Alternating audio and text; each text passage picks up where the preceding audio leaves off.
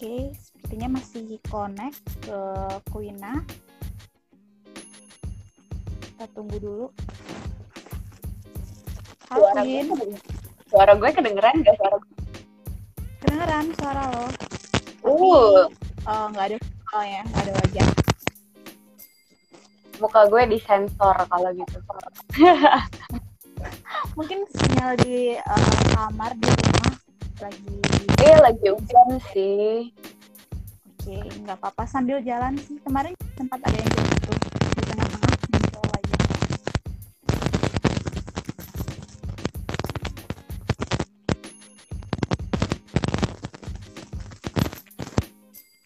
Oke, kayaknya kita terputus. Saya coba untuk eh, menyambungkan lagi ke Quina.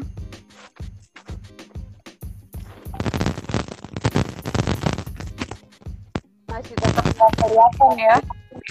Iya, nggak apa-apa sih asal suara satu sama lain jelas terdengar kan. Suaraku, Dengerin kedengeran. suara eh, kamu sudah jelas.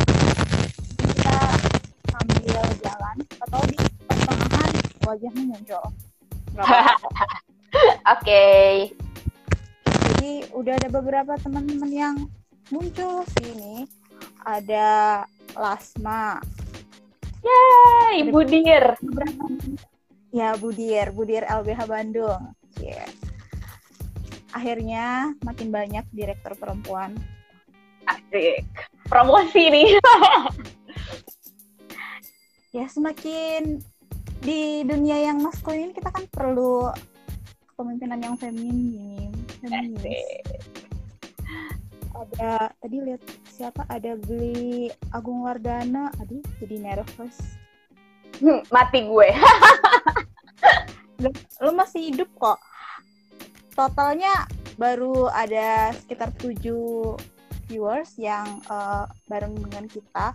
Mungkin di awal eh, perkenalan dulu kali ya, walaupun ada beberapa yang sudah kenal sama kamu, kenal aku juga kenal LBH Bali. Mungkin eh, Quina bisa memperkenalkan diri selain yang orang-orang tahu dari eh, di flyer Margareta Quina, pengacara lingkungan sudah pasti. Tapi eh, Quina saat ini eh, kesibukannya di mana, sebagai apa, lalu eh, kesibukan di kala pandemi ini apa? Apakah kerja dari rumah? Mungkin ada yang bisa diceritakan. Nggak masalah karena kita juga konsepnya santai kok, ngobrol. Oke. Halo semuanya, aku Quina. Em, aku sekarang adalah kontrak attorney di sebuah NGO hukum lingkungan yang bernama Earth Justice.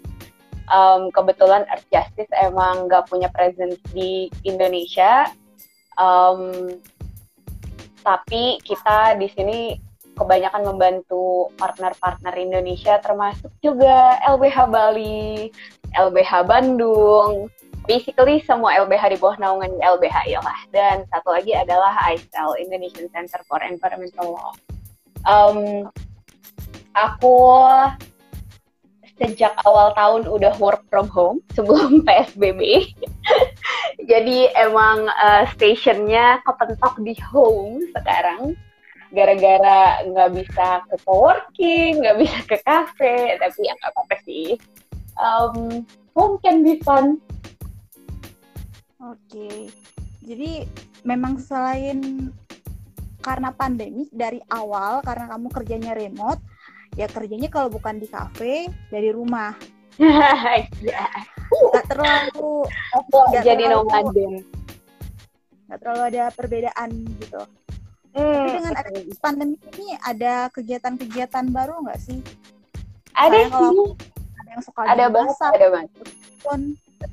Sebenarnya gue tuh dari dulu kan, dari kantor gue di Aisel emang udah suka menggunakan properti kantor bernama dapur. Cuman sekarang karena emang lebih banyak waktu uh, in terms of nggak commuting, jadi lebih rutin aja sih sebenarnya buat workout, buat baca. Uh, bahkan kemarin udah nyobain nanam microgreen dan sebenarnya kayak ada banyak items yang bisa dieksplor kan. Mulai dari home composting terus juga meal prep itu tuh udah sibuk banget. Nyuci piring aja tuh sudah makan waktu kan. Jadi um, gue nggak pernah kekurangan kegiatan selama pandemi ini. Um, banyak banget hal-hal terkait dengan uh, apa ya sustainable living yang bisa dicobain kayak ini waktu yang um, buat kita kita yang, yang privilege untungnya ini waktu yang sangat nice buat mencoba hal-hal baru in terms of habit-habit baru jadi memang benar-benar mulai uh, menerapkan uh, sustainability in practice gitu ya dalam keseharian. Ya. Um, ya udah dari dulu cuman kayak ini waktunya lebih lebih enak aja sih buat memperdalam okay. I see. Uh, kali ini kan kita temanya adalah krisis iklim, krisis iklim mm -hmm. dan uh, dengan sektor energi.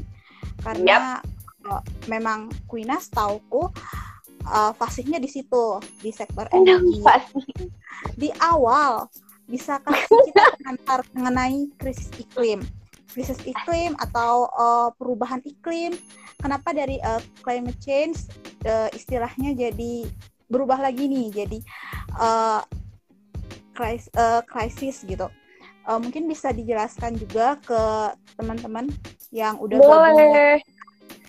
Uh, jadi um, perbedaan dan yang paling penting Queen uh, evidence base karena kita nggak mau dong asal-asal ngomong uh, mengenai krisis iklim ini. Jadi kalau bisa kasih juga uh, data-datanya. Oke okay deh. Um, jadi sebelumnya mungkin kita ngomongin dari climate change dulu kali ya. Climate change sebagai sebuah uh, terminologi perubahan iklim ini kan sebenarnya sejarahnya tuh panjang banget. Kalau nggak salah udah dari tahun 1970-an bahkan 1950-an. Um, first very first um, trend dari perubahan gas rumah kaca. Jadi gas rumah kaca itu tuh um, ada beberapa ada beberapa uh, tipe tapi yang paling terkenal karbon dioxide di atmosfer kita. Um, itu udah mulai diselidikin. Dan um, kalau nggak salah tuh udah dari tahun 1970-an bahkan kita udah uh, mulai ngulik international cooperation untuk mulai mantau nih. Gimana sih sebenarnya perubahan carbon dioxide level um, di atmosfer bumi. Emangnya ada ya uh, perubahan konsentrasinya dari waktu ke waktu. Dan um, riset-riset yang udah dimulai dari berdekade lalu itu tuh terus-menerus diperbaruin. Dan emang mungkin Chandra juga lumayan familiar uh, karena pernah meminta uh, membawa climate argument dalam salah satu kasus kalian. Um, beberapa ada beberapa kerjasama internasional yang emang dibikin khusus untuk memperdalam fact finding. Jadi masih ke penemuan faktanya dulu nih. Apa sih yang sebenarnya terjadi dengan um, konsentrasi gas rumah kaca di atmosfer kita?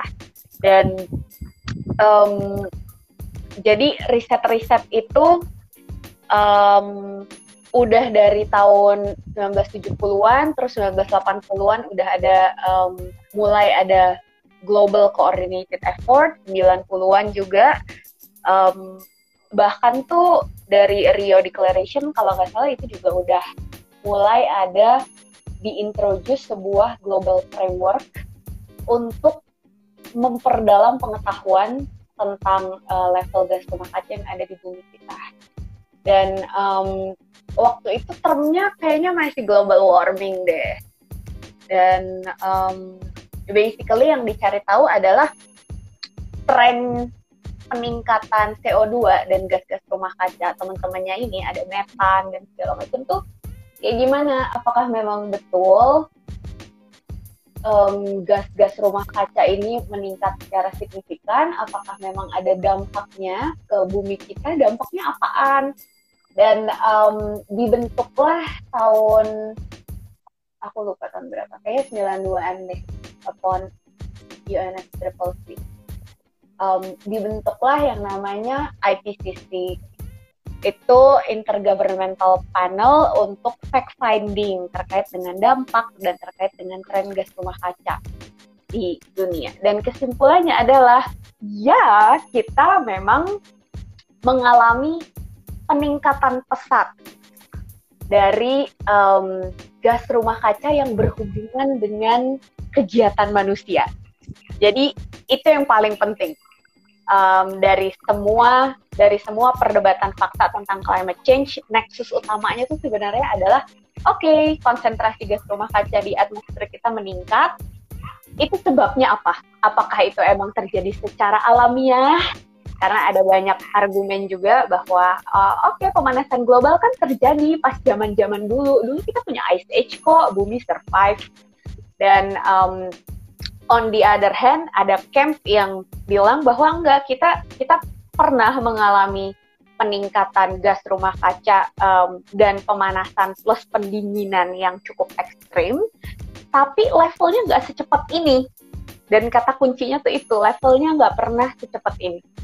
Jadi ketika kita uh, melihat grafik, mungkin teman-teman di sini udah sering juga melihat grafik-grafik tentang uh, peningkatan CO2 peningkatan kita tuh pesat banget dan itu sangat rapid, uh, rapidly associated dengan um, kontribusi dari kita. Jadi um, sejarah awalnya climate change itu acceptance-nya adalah, yup, kita mengalami peningkatan pesat gas rumah kaca, especially CO2, uh, carbon dioxide atau carbon dioxide equivalent. Dan um, memang ada nexus ada hubungan antara peningkatan CO2 tersebut dengan kegiatan manusia. Sehingga ini akan menentukan solusinya kan sebenarnya. Oke, kalau misalnya emang gas rumah kaca ini peningkatannya disebabkan kegiatan manusia, maka solusinya juga mengendalikan kegiatan manusia. Beda dengan kalau misalnya konsepnya adalah, oke okay, ini terjadi secara alami. Kalau ini terjadi secara alami, ya kita mau ngapain juga nggak bisa kan kita cuma bisa adaptasi tapi karena emang proven bahwa kontribusi gas rumah kaca di atmosfer kita ini disebabkan oleh kegiatan kita orang pertumbuhan yang juga diinjus oleh orang so um, solusinya ada dua. Yang pertama kita bukan solusi ya tapi apa yang bisa kita lakukan jadi ada dua. Yang pertama adalah adapt. Kita adaptasi dengan um, dampak dari perubahan iklim ini. Dan yang kedua adalah mitigasi. Mitigasi ini uh, jadinya ya kita tahu bahwa ini disebabkan oleh kegiatan orang. Dan IPCC report itu udah um, dan berbagai scientific finding lainnya ya, itu udah established bahwa penyebab-penyebab utama dari um, kegiatan manusia itu tuh apa aja. Jadi ada sektor energi, ada sektor agriculture, ada sektor limbah, um, sama satu lagi adalah perubahan lahan LULUCF, land use and land use change. Jadi itu kontributor utamanya. Kalau misalnya lo mau um, do something about it, lo bisa fokus ke empat sektor itu. Itu tingkatnya tentang climate change dan um, sekarang ceritanya kita ke kenapa climate change jadi climate crisis. Nah ini ini um, jadi ada dua reason um, utamanya. Yang pertama emang semua perjanjian-perjanjian internasional, inisiatif, komitmen negara yang selama ini sudah dibikin dirasa nggak efektif. Kok ya lambat banget ngambil tindakannya, kok ya adaptasi sama mitigasi kayak formalitas doang, ada tertulis semua um, requirement apa yang harus dilakukan oleh negara berkembang, apa yang harus dilakukan oleh negara maju, tapi kok ya kayak setengah-setengah enforce-nya, bukan enforce-nya, implement-nya, dan itu pun gak enforceable, enforceable banget. Dan um, akhirnya ada beberapa grup yang memutuskan untuk ini tadinya gimmick ya, jadi ini benar-benar wordplay doang. Um, walaupun sebenarnya kalau misalnya dilihat dari dampaknya, emang ini makin imminent. Jadi um, ada salah satu report IPCC yang tahun lalu kalau nggak salah atau mungkin beberapa tahun sebelumnya udah terjadi juga ya. Yang intinya kita tuh tinggal punya 10 tahun kalau kita pengen bertindak untuk mencegah adverse climate change dari uh, benar-benar terjadi. Dan adverse climate change itu adalah um, ketika konsentrasi gas rumah kaca plus perubahan suhu itu menyebabkan damages yang gak bakalan bisa kita um, putar balik. Jadi climate system ini kan emang sistem iklim nih sangat complicated ya.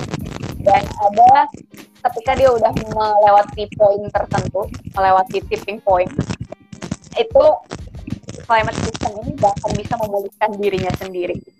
Dan um, semua modeling, semua scientific modeling yang udah dilakukan menyimpulkan bahwa oke okay, kita cuma punya 10 tahun lagi So itulah kenapa climate crisis menjadi wordplay yang kemudian dipakai. Um, gak berarti bahwa wordplay tersebut bukan tanpa kelemahan ya. Iya ada kelemahan, tapi um, dasar utamanya adalah urgensi. Kita cuma punya 10 tahun. Psychologically, bahasa krisis iklim itu ada beberapa studi yang nyimpulin bahwa psychologically itu lebih membuat orang lebih nyantol. Suaramu ya sedih. Ya, mungkin bisa, bisa diulang lagi karena uh, barusan sempat putus-putus yang sebelum kamu bilang kita cuma punya waktu 10 tahun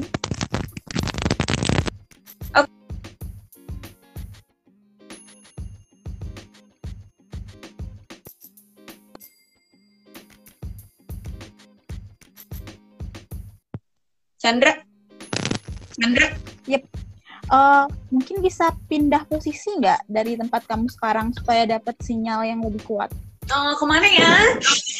Oke deh, aku coba pindah posisi. Sepertinya agak mendingan ya. Ya, udah agak mendingan sih. Oke. Okay. Lanjutin aja. Uh, Oke, okay, tadi tapi mulai dari kata 10 tahun kita cuma punya 10 tahun lalu Oke, jadi jadi intinya adalah climate crisis uh, terminologi krisis iklim ini alasannya adalah urgensi. Dan um, secara psikologis terminologi krisis iklim itu lebih nyantol dan uh, lebih punya kekuatan untuk membuat orang tuh panik. Abis itu mikir oke okay, gue mesti ngapain? Um, sehingga itu lebih induce changes baik di personal level maupun di level um, policy di global, internasional, market dan segala macam. Gitu. Oke, okay. tadi kan uh, Quina juga sempat singgung mengenai empat sektor itu ya, yang mana uh, di diskusi kita kali ini sebenarnya pengen lebih uh, stressingnya adalah ke sektor energi. Tapi sebelumnya uh, aku ingin tanyakan tentang term tadi kan kita ngomongin tentang term, uh, termnya uh, krisis iklim. Dan ya kalau menurutku memang sama sih seperti yang Kwina bilang ada kelemahan dan ada kelebihannya. Tapi setidaknya ya karena kata-kata adalah senjata uh,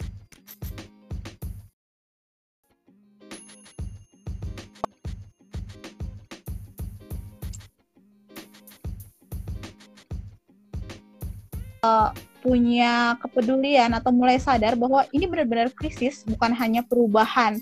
Kalau kata perubahan kan bisa mengarah ke perubahan yang lebih baik atau perubahan di mana kita uh, adaptasinya bisa bagus. Tapi belum tentu uh, demikian kalau ada kata krisis. Nah, yang ingin aku tanyakan selanjutnya adalah mengenai greenwashing. Jadi uh, apa sih yang dimaksud dengan uh, greenwashing dan uh, kadang ada orang yang menempatkan uh, greenwashing ini sebagai uh, hal yang di mana uh, krisis iklim itu nggak ada di atau misalnya termnya jadi uh, elit global. Nah, kalau menurut Quina sendiri seperti apa? Oke, okay, jadi um, Oke sebelumnya sebelumnya mungkin gara-gara sebelum sebelum ini kita baru ngobrolin uh, di level yang sangat sangat apa ya sangat jauh dari kehidupan sehari-hari mungkin sebelum ngobrol sebelum masuk ke greenwashing gue tuh pengen ngajak teman-teman mikir dulu sih.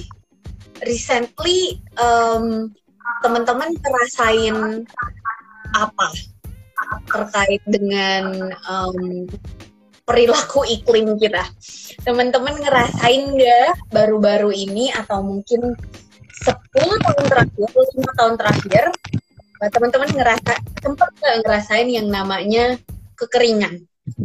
Sempat nggak ngerasain yang namanya musim uh, kemarau yang lebih panjang, panasnya lebih lebih tinggi temperaturnya, um, mungkin juga sempat nggak keinget membaca lebih banyak berita tentang forest fire, tentang um, temperatur yang record breaking di berbagai belahan negara, banjir yang lebih ekstrim, dan um, ketika teman-teman semua ngerasain itu atau ngelihat tentang itu, kayak kepikiran nggak membandingkan dengan dekade lalu atau dekade sebelumnya. Jadi um, pas kita melihat statistik kebencanaan, jadi ketika dampak perubahan iklim ini ditranslate ke bahasa sehari-hari, ya apa pun namanya krisis dan segala macam, tapi yang paling gampang adalah kita punya lebih banyak bencana. Dan um, statistik membuktikan, kulik aja tuh websitenya uh, BMKG sekarang kalau nggak percaya. Atau um, Kompas pernah summary ini dengan sangat baik statistik membuktikan bahwa kita punya lebih banyak weather related disaster. Jadi um, kebencanaan yang sekarang tuh trennya emang top 3 disasters kita di Indonesia itu semuanya tuh terkait dengan curah hujan yang lebih tinggi, kita punya lebih banyak landslide, kita punya lebih banyak banjir, atau temperatur uh, atau musim kemarau yang sangat amat um, panjang yang udah uh, waktunya kacau, terus juga temperaturnya juga cukup ekstrim, um, dan pada akhirnya ya menghasilkan forest fire, menghasilkan kebakaran hutan. Jadi um, in the personal level gue ngerasain banget perubahan karena gue mendaki ya, jadi gue uh, anaknya outdoor, cukup outdoor, gue uh, lumayan sering um, pergi ke hutan.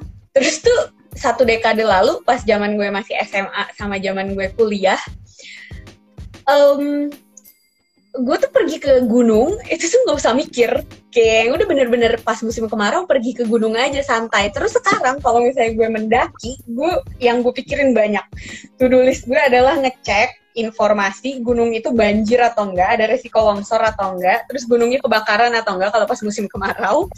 Dan emang banyak banget gue terpaksa ngepending trip gue gara-gara gara-gara ya kebakaran lah, banjir bandang lah, bahkan gue pernah lagi mendaki banjir bandang, kayak literally banjir bandang sama longsor. Jadi um, in the personal level lo tuh bisa observe um, dan um, itu kayak bahasa sederhananya ya lo lihat aja frekuensi terkait bencana yang ya climate related simpelnya gitu. Nah terus sekarang um, ngejawab pertanya pertanyaannya Chandra soal greenwashing. Jadi greenwashing itu sebenarnya uh, terminologi yang lebih sering dipakai untuk mendeskripsikan tindakan-tindakan um, yang sebenarnya nggak green, nggak pro environment, um, tapi menggunakan label atau jargon-jargon yang membuat dia tampak seperti green, gitu. Jadi um, dan dan greenwashing ini emang emang banyak contohnya. Kalau misalnya kita lihat di Indonesia salah satu yang sering dibilangin greenwashing itu proper. Jadi sistem uh, pemerintah green performance buat perusahaan um, bilang bahwa oh, okay, performance lingkungan lo baik. Jadi um, ntar lo di pasar di pasar modal lo bisa jualan dengan bilang oke okay, gue punya performance lingkungan yang uh, di proper tuh dibilangin gold loh nah itu contoh brainwashing atau misalnya pledge yang bilang bahwa eh um, gue um, powered dengan 100% renewable loh. Padahal sebenarnya nggak gitu kenyataannya misalnya. Atau padahal sebenarnya ada banyak detail di belakang itu. Nah, um, itu contoh brainwashing dan um, tentunya itu sebuah hal yang berbeda dengan acceptance kita terhadap fakta um, mengenai apakah climate change, human induced climate change itu sesuatu yang real atau hoax. Gitu. Jadi greenwashing itu lebih ke attitude um, gimana kita menggunakan sesuatu yang tampak green untuk melegitimasi perbuatan kita yang um, regardless itu green atau enggak green ya.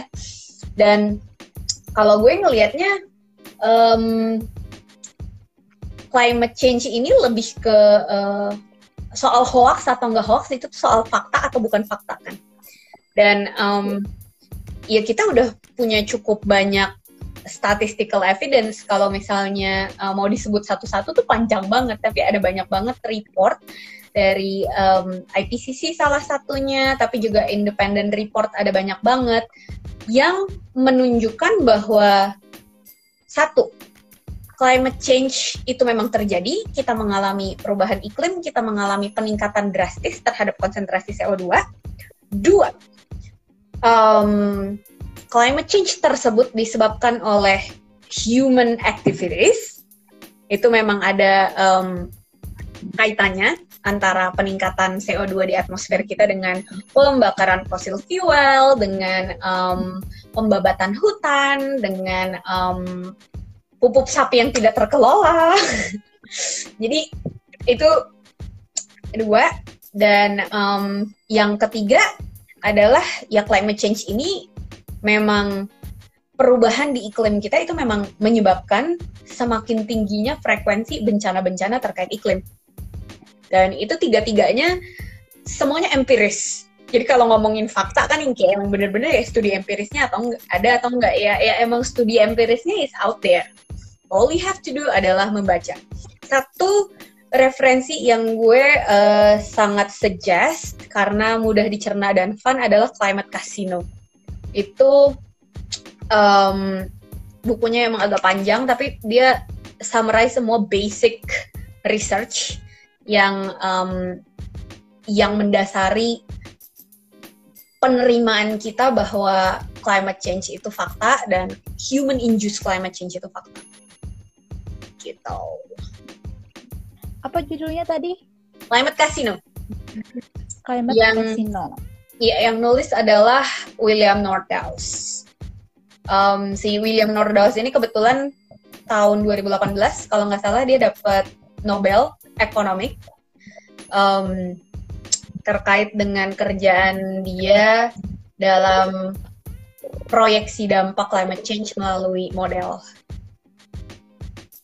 impact modeling. Bukan tanpa kecacatan ya ini kayak kalau misalnya lo ngomongin iya karena kalau misalnya ngomongin soal um, kayak climate change the humans critics kemarin iya emang emang yes dia that part. Dia bagian dari sistem yang selama ini kita tugaskan untuk uh, mengontrol climate kita dan bla bla bla. Tapi set it aside kalau lo pengen kalau kalau pengen lihat basic facts itu ada di situ.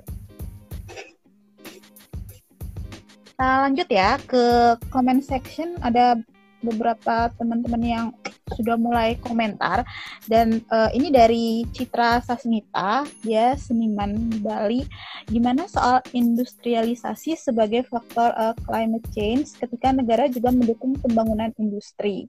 Masyarakat tradisional kita semakin dijauhkan dengan realitas alam karena modernisasi dan industrialisasi. Jadi menurut uh, gue ini bisa jadi pintu masuk sih untuk bahasan kita yang lebih uh, spesifik yaitu tentang Iya, kita dari tadi malah ngobrolin energi. di pengantar. Jadi belum sampai ke sektor energi. Dari pertanyaannya uh, Citra ini bisa jadi jembatan ke situ, terutama industri uh, energi di Indonesia yang kita tahu uh, bergantungnya lebih banyak ke batu bara. Kalau pandangan ya. kamu sendiri seperti apa nih?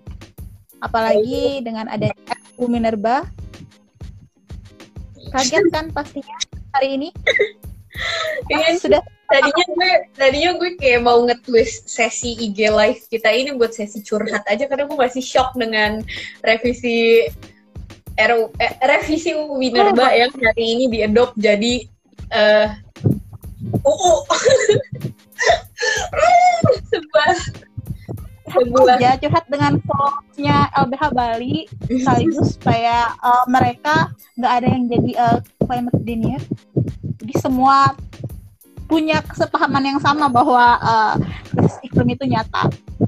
Okay. apalagi dengan adanya UU Minerba ini. Gimana pandangan lo tentang sebenarnya gue juga udah tahu sih pandangannya seperti apa namanya kita ngerjain bareng-bareng. Tapi uh, biar teman-teman yang menyimak uh, Instagram Live kali ini tahu dari sisi seorang pengacara lingkungan. Asik, pengacara lingkungan. Jadi gini, um, untuk Nexus dengan energi sektor. Jadi um, kayak tadi kan gue udah sebutin ya uh, empat sektor utama yang um, secara saintifik itu emang udah proven menyumbang gas rumah kaca terbanyak dan worldwide salah satu sektor yang paling banyak um, menyumbang emisi CO2 ke atmosfer kita adalah sektor energi. Dan um, sektor energi ini nexus utamanya adalah ketika lo membakar bahan bakar fosil, ketika lo uh, jadi dua sebenarnya, ketika lo mengekstrak bahan bakar fosil dari uh, perut bumi, dan itu nambang tuh ceritanya.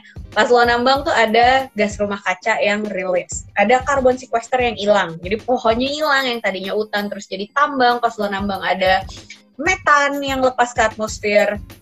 Terus abis dari tambang pun uh, ketika dia kirim, ketika dia dikirim dan ketika dia uh, berproses menuju ke pembangkit, um, itu juga akan ada carbon emission yang lepas dari transportnya Plus pada akhirnya ketika dia uh, dibakar pada saat pembangkitan, jadi itu kan kebanyakan kita sekarang ini pembang tenaga listrik kita tuh bersumber dari um, PLTU ya. Jadi uh, steam power dan steam power itu basically ada yang berbahan bakar batu bara, ada yang berbahan bakar uh, minyak, minyak bumi, ada yang berbahan bakar gas. Itu semuanya fossil fuel. Jadi si fossil fuel ini uh, berjuta-juta tahun berproses di perut bumi. Um, intinya pas dia dibakar, itu dia bakalan menghasilkan byproduct berupa karbon dioxide. Nah, si karbon dioxide ini adalah greenhouse gas yang notabene seiring dengan semakin banyaknya negara-negara yang pengen um, pengen menambah pasokan listrik. Dengan teori bahwa kalau pasokan listriknya makin banyak maka um, industri itu bakalan lebih terinvite untuk datang. Karena jadi teori teori decision maker kita ini bukan teori gue ya ini teorinya PLN teorinya adalah kalau misalnya lo punya pasokan listrik yang andal yang uh, ready dan um, murah um, job creation through industry development itu bakalan lebih attractive. Bakalan orang bakalan mau bangun pabrik. Um, kalau jadi ini ini juga juga subject to criticism karena ya belum tentu kayak gitu sebenarnya. Um, proyeksinya. Jadi tuh PLN bekerja dengan demand forecast. Jadi mereka memproyeksikan um, berdasarkan ambisi gue untuk mendapatkan pertumbuhan ekonomi sekian persen, maka gue harus um, memastikan bahwa ada pasokan listrik sebesar sekian. Dan kenapa pada akhirnya fossil fuel yang jadi um, bahan bakar of choice? Ya karena itu emang paling murah sekarang. Kenapa dia paling murah? Karena emang years, hundreds of years of um, development dan ini emang run by big businesses itu emang mensupport penyediaannya dan um, mengiklankan bahan bakar ini sebagai ya ini adalah sources yang bakalan bisa paling paling andal, uh, paling stabil pasokannya. Um, sehingga ya makin mereka mengiklankan makin mereka sukses mengiklankan itu makin banyak juga negara-negara yang uh, ketika mereka mau membangun sebuah pembangkit kayak ya pilihan pertamanya teknologi yang udah mapan.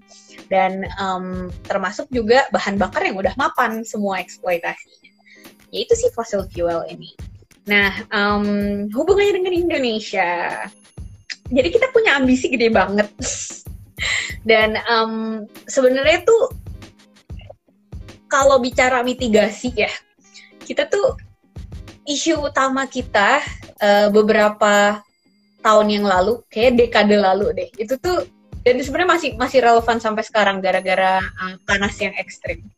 Itu tuh lulu CF dan kebakaran lahan. Ya, kita tuh punya huge contribution dari kebakaran lahan. Sekali kebakar kayak bener-bener langsung lonjak tuh grafiknya langsung tinggi banget. Tapi kenapa energi sektor jadi penting? Karena kita punya ambisi yang gede banget deliberately dengan sengaja dengan semua kesadaran untuk memilih power up um, industri kita, perkembangan pertumbuhan ekonomi kita dengan fossil fuel. Jadi um, Chandra juga tahu kita punya pro program Indonesia juga punya ambisi 35 megawatt yang kemudian dipangkas dan sekarang kemungkinan besar bahkan harus dipangkas lebih banyak lagi despite banyak banget PLTU yang udah mulai dibangun um, dan um, basically energi sektor ini tuh sebenarnya sektor yang paling bisa dikontrol dan paling mungkin diproyeksikan. Jadi karena semua pembangunan pembangkit itu harus melalui proses perencanaan yang proses perencanaannya tuh ribet dan teknokratik maka lu sebenarnya tuh udah terinfo dari awal ketika lo memutuskan untuk membangun PLTU ini uh, proyeksi kontribusi gas rumah kaca lo tuh bakalan berapa dalam 30 tahun ke depan. Karena sekali lo ngebangun, um, kontraknya tuh bakalan 30 tahun, Chan.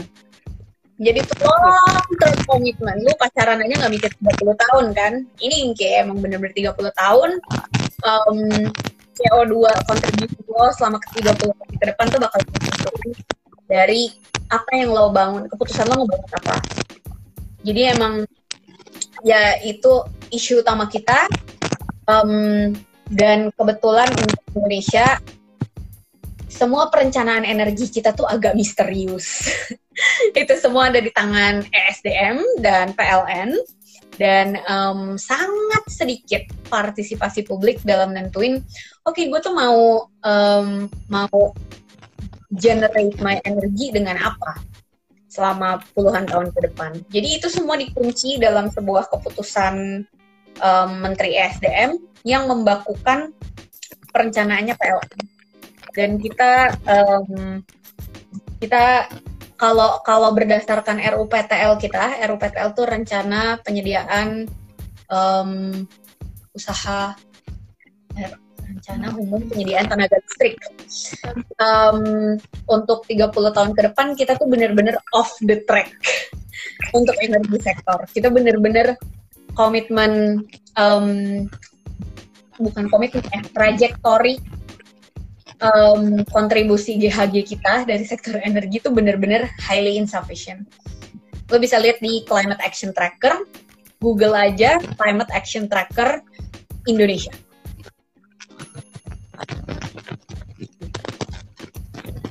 Jadi memang kalau kayak yang lo bilang itu di tangan SDM dan pokoknya ini pemerintahan tapi ya sebenarnya di tangan oligark nggak sih like, mau membeberkan uh, bagaimana fakta yang ya itu uh, faktanya seperti itu meskipun pahit. Dan ditambah lagi hari ini yang bikin kita bersama-sama kaget. Padahal pandemi uh, ya kata kan. Tapi bisa-bisanya uh, Minerba ini disahkan dan uh, gue sempat baca baca dari pagi uh, setidaknya ada beberapa taipan batubara lah yang akan bersorak yang akan dengan senang hati ketika uh, ini diketok palunya karena mereka udah mau habis kontrak. Nah, kalau lu sendiri memandangnya seperti apa uh, mengenai ketika ke uh, RUU Minerba? Sebenernya gue gak mau mikirin RUU Minerba ya, gue kayak mau menghilang aja di telan bumi. Jadi kalau ngobrolin um, decisions energi kita dikontrol oleh oligark, ya itu ya gimana lagi ya? Emang emang emang keadaannya kayak gitu. Maksud gue bukan gimana lagi. Tapi um, ada suatu hal yang perlu kita sadari bahwa uh, apa yang kita nikmatin hari ini sebagai listrik. Dengan pengambilan keputusan tentang gue mau bikin pembangunan seperti apa. Terus uh, gue mau memberikan um, gue punya hubungan bisnis dengan Taipan yang mana itu emang keputusan yang sangat jauh dari um, dari listrik yang lo nikmatin pada hari ini. Dan um, ini sesuatu yang menurut gue teknologi agnostik ya. Ya kebetulan aja yang muncul duluan um, adalah batu bara. Ya kebetulan aja emang fossil fuel itu banyak perizinannya sehingga um, dan emang banyak di Indonesia gitu ya. Dan kebetulan teknologinya matang duluan itu diimpor duluan ke Indonesia. Plus orang-orang yang punya duit untuk berbisnis di situ adalah uh, orang-orang uh, yang pada akhirnya eventually bisa mendekatkan diri pada kekuasaan dan mengambil celah dengan uh, ikut jadi penguasa. dan kemudian um, cycle-nya jadi gitu kan, karena gue punya bisnis ini dan gue ada di kekuasaan, akhirnya gue bisa influence decision making ke mana arah kita uh, dalam, dalam um, energy creation ini berpuluh-puluh tahun ke depan, gitu. Tapi um, menurut gue sejujurnya um, dan teman-teman yang lain bisa punya opini beda ya di sini. Ini menurut gue itu struktur yang emang politis. Jadi ini bukan masalah teknologinya, bukan masalah batu baranya ya kebetulan aja batu bara subjeknya. Um, dan itu mengenforce semakin kokohnya oligark di batu bara ya karena mereka emang emang udah matang di situ. Tapi um, dengan struktur politik seperti sekarang ini, apa pun bisa jadi makanan. Krisis iklim bisa jadi makanan. Lu lihat di mana-mana yang namanya bantuan sosial, uh, bantuan langsung tunai, ya itu jadi makanan korupsi juga kan. Begitu ketika makanya gue agak kritis ketika um, berpikir ketika ada beberapa teman-teman yang menggaungkan bahwa krisis iklim adalah solusi bukan solusi. Itu fact-nya. Itu gimana kita mencari fakta aja. Oke okay, tapi solusi belum tentu dengan legal tools terkait dengan um, mitigasi krisis. Karena uh, so far dengan dengan um, political landscape kayak gini kita kurang. Dan masalah utamanya Yes, memang benar batu bara itu secara uh, batu bara, oil, gas, semua fossil fuel itu ada role dari big businesses internasional yang uh, busuk cara bisnisnya.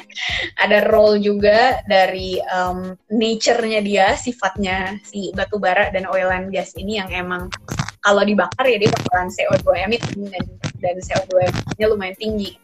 Tapi um, tanpa hal ini pun ya sebenarnya yang yang yang bikin kita nggak bisa ke mana-mana yang bakalan ngunci kita regardless kita punya akses ke energi bersih atau enggak pun adalah ya gimana kita berhasil membuat politik yang bersih berhasil membuat pengambilan keputusan itu betul-betul informing kita sebagai um, yang diwakili dan benar-benar mempertimbangkan scientific evidence yang ada.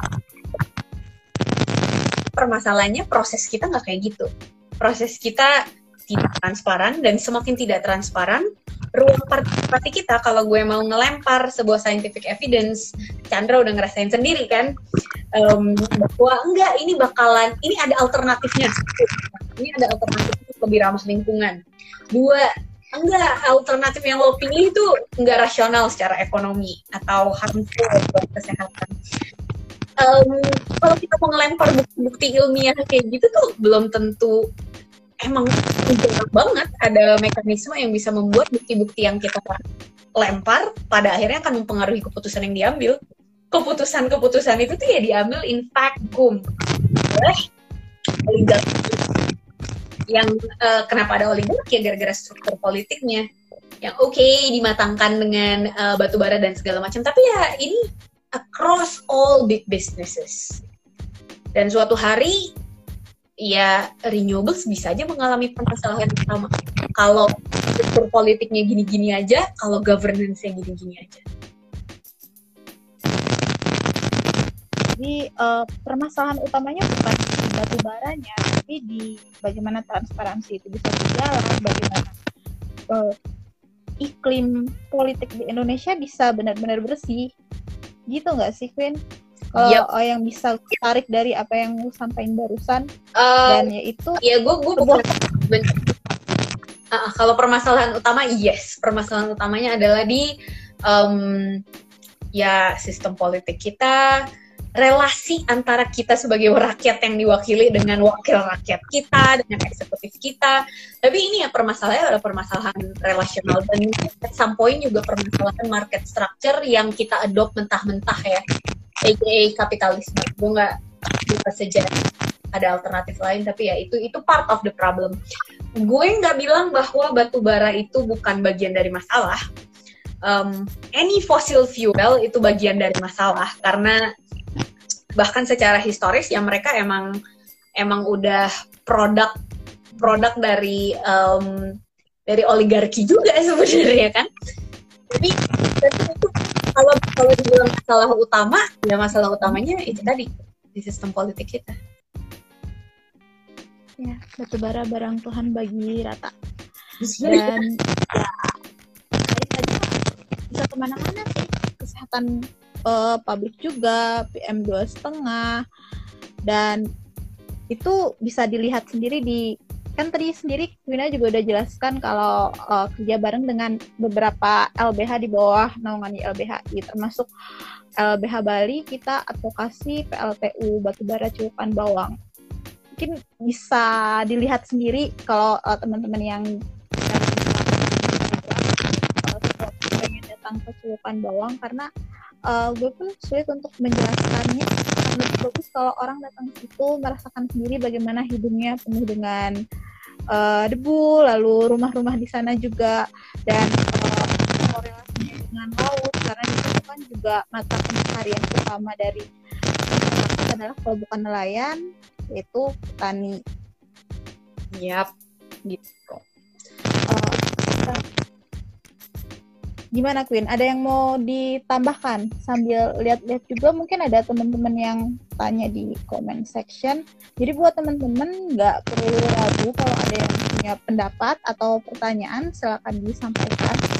Jangan uh, ya seperti yang sudah uh, disematkan itulah jangan ada yang berkata-kata kasar atau berantem.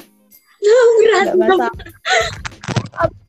Apa pun, uh, pertanyaannya silakan Gimana Queen? Uh, jadi untuk energi sektor mungkin ada satu hal yang menarik ya, kayak gue juga baru um, baru tahu ini setelah baca uh, bukunya si Nordhaus. Jadi kenapa batu bara yang jadi sasaran untuk uh, kayak kalau di global tuh kan trennya kayak semua orang kenapa nih nembakinya batu bara. Sebenarnya ada alas alasan di balik itu adalah alasan ekonomi. Selain kesehatan tadi. Tapi kesehatan tuh dari. Jadi ini kalau ngomong tai-tainya um, tai-tainya global diplomasi ya. Jadi um, nilai pengurangan CO2 yang bisa didapatkan dari substitusi batu bara itu nilai secara dollar value itu tuh paling rendah kalau lo substitute batu bara dibandingin kalau lo substitute oil atau gas. Untuk jadi dengan dengan pengurangan ton CO2 yang sama, lo bayar lebih murah kalau lo ngehajarnya coal. Jadi itu global politics yang menyebabkan coal lebih banyak disasar. Nah, tapi kalau dari sisi kesehatan, kenapa coal juga um, lebih banyak perlawanannya? Ya karena emang um, yang damage-nya tuh paling paling banyak dirasain. Jadi ada terminologi namanya co-benefit. Artinya um, apa pun benefit yang didapatkan untuk iklim, ada benefit lain yang bisa didapatkan dengan substitusi dari bahan bakar tersebut. Dan untuk batu bara, itu kok benefitnya tuh paling banyak karena orang yang terdampak paling banyak lo tahu sendiri gimana pertambangan batu bara paling uh, berapa banyak lahan yang ditinggalkan menjadi lubang tambang yang menganga berapa banyak area yang harus dibabat untuk menampung um, suplai batu bara untuk kita ekspor maupun untuk um, PLTU gue juga tahu um, secara emisi secara apa emisi emisi. Terobong nih maksud gue. Secara emisi itu memang um, yang paling banyak menghasilkan PM2 setengah partikulat debu halus itu tuh juga PLTU batu bara dibandingin dengan yang lain. Oh sebenarnya ada yang lebih dinosaurus lagi. Yaitu diesel. Diesel tuh dinosaurus banget. Cuman kita nggak begitu banyak lagi diesel. Lebih banyak uh, yang milih batu bara. Sekarang diesel cuma yang kecil-kecil doang ya jadi emang um, dari sisi kesehatan terus juga dari sisi batu bara di Indonesia tuh kebanyakan di dekat pantai. Um, dan dia bakalan membuang air limbah panas dalam jumlah sangat besar ke pantai. Jadi itu juga um, dianggap merugikan ekosistem pesisir yang notabene merupakan ekosistem sensitif. Jadi ya emang co-benefit untuk beralih dari batu bara tuh emang paling paling gede dibandingin dengan fossil fuel yang lain. Walaupun ini um, kalau di negara-negara yang lebih advance itu juga ada perdebatan mengenai gas karena um, di banyak cases peralihan dari batu bara itu nggak necessarily membuat uh, renewables menjadi alternatif utama. Alternatif utamanya itu gas untuk menggantikan batu bara. Lo ngerasain sendiri di celukan bawah. Iya. Yeah. Nah itu itu highly criticized karena secara oke okay, secara emisi udara secara uh, PM setengah dia jauh lebih kecil dibanding batu bara. Tapi secara climate emission ya sama aja lo tetap ngebakar fossil fuel gitu walaupun emang lebih kecil sih secara climate impact lebih kecil secara health impact lebih kecil tapi ya tetap aja tetap aja um, fossil fuel Bisa sama-sama energi fosil ya hmm. Oke. Kita lihat dulu ada yang tanya nggak ya? Yang uh, ada sih ini banjir. Nih anak malah curhat barengan sama lo. sama katanya. Ya, jadi ya kita tahu sendiri di Kalimantan ya, batu bara itu bukan hanya berkaitan dengan PLTU, misalnya kalau di Bali ya PLTU celukan bawang karena uh, bahan bakarnya ya batu bara. Tapi ya ini industri yang ada hulu dan hilirnya tadi juga lu sempat uh, singgung mengenai uh, lubang tambang dan itu ada banyak di Kalimantan. Hmm. Um, tapi sebenarnya salah satu hal juga yang um, pengen gue emphasis di sini terkait dengan energi.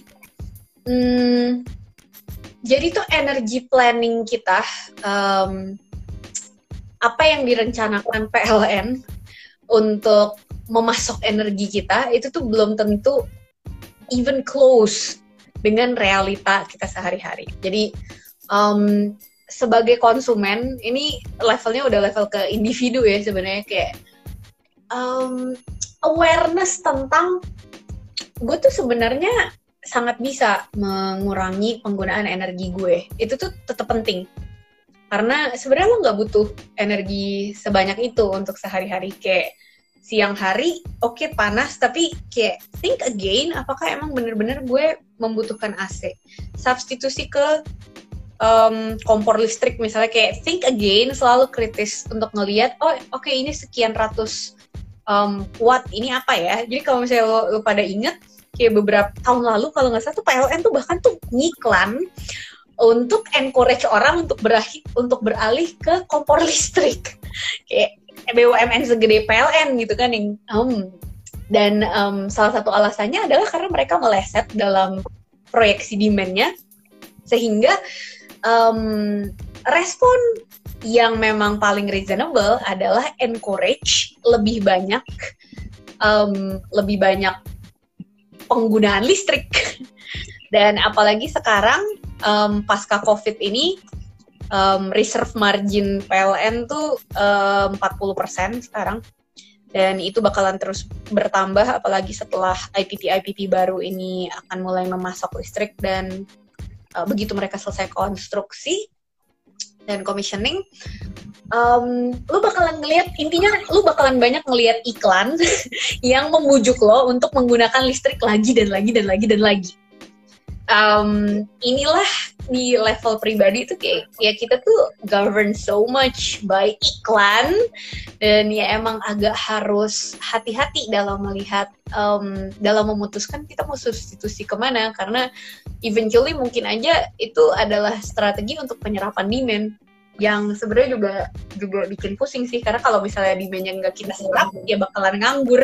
Nggak ada yang make. Karena industri yang tadinya diharapkan make mungkin nggak ada di situ. Begitu. Dan um, ya salah satu hal yang sangat sangat sedikit dipertimbangkan dalam energy planning kita adalah peran dari energy efficiency. Jadi itu energy conservation dan energy efficiency. Dua hal ini um, teknologinya tuh ada untuk membuat gedung, desain gedung itu tuh udah aware sama penggunaan energi dari awal. Um, it's just a matter of policy, apakah itu mau di mainstream kan atau enggak. Terus um, ya campaigns untuk membuat orang lebih aware dengan konsumsi energinya itu juga juga ya pernah dilakuin. Bahkan pas zaman 1970-an Amrik misalnya mereka krisis energi dan presidennya tuh campaigning bener-bener campaigning ke depan. Eh please dong lo uh, termostat lo diturunin dikit. Karena hal sesimpel kita nyeting AC kita tuh berapa derajat itu bakalan berpengaruh ke beban puncak kumulatif dari PLN dan argumen mengenai ya gue butuh untuk install berapa pembangkit baru. Itu di level personal walaupun banyak banget hal di level um, policy, di level politik yang um, yang benar-benar masih kita pantengin bareng, tapi ada juga hal-hal di level personal yang bisa bikin kita lebih aware dan lebih connected dengan um, decisions tentang energi, tentang um, pilihan energi kita, gitu. Ya, jadi selama ini banyak yang membenturkan ya antara aksi-aksi individu dengan uh, kebijakan seolah-olah ya aksi individu lo nggak ada guna kalau uh, kebijakannya nggak berubah. Padahal itu bisa berjalan beriringan beriring uh, apa pun yang dilakukan sekecil apa pun oleh setiap orang atau uh, rumah tangga pasti punya dampak. Kayak yang lu sendiri tadi bilang uh, dari AC kita aja itu nantinya bisa uh, jadi pembenar bagi PLN misalnya. Ini udah komen-komen lagi nggak ya? Tadi lihat jati kok kuinannya bisa nggak kelihatan? Iya gue disensor dal disuruh masak kok pakai amarah rakyat aja belum ada yang uh, punya pertanyaan mungkin teman-teman karena saking terpukaunya dengar penjelasan lo yang uh, lancar kayak jalan tol. Jalan tol kayak proyek strategis nasional anjir lancar. Ya mereka terpukau. Soalnya dari tadi daripada pertanyaan yang muncul itu adalah uh, emot-emot love love gitu kan. Oh, love. Bahkan ini masih buka gue di sensor ya gimana kalau kelihatan ya.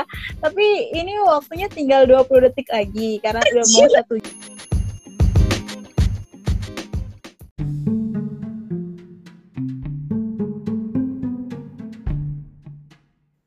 Halo, aku Quina yang tadi ikutan IG Live di IG-nya LBH Bali. Yang tadi muka gue ke sensor sepanjang sesi.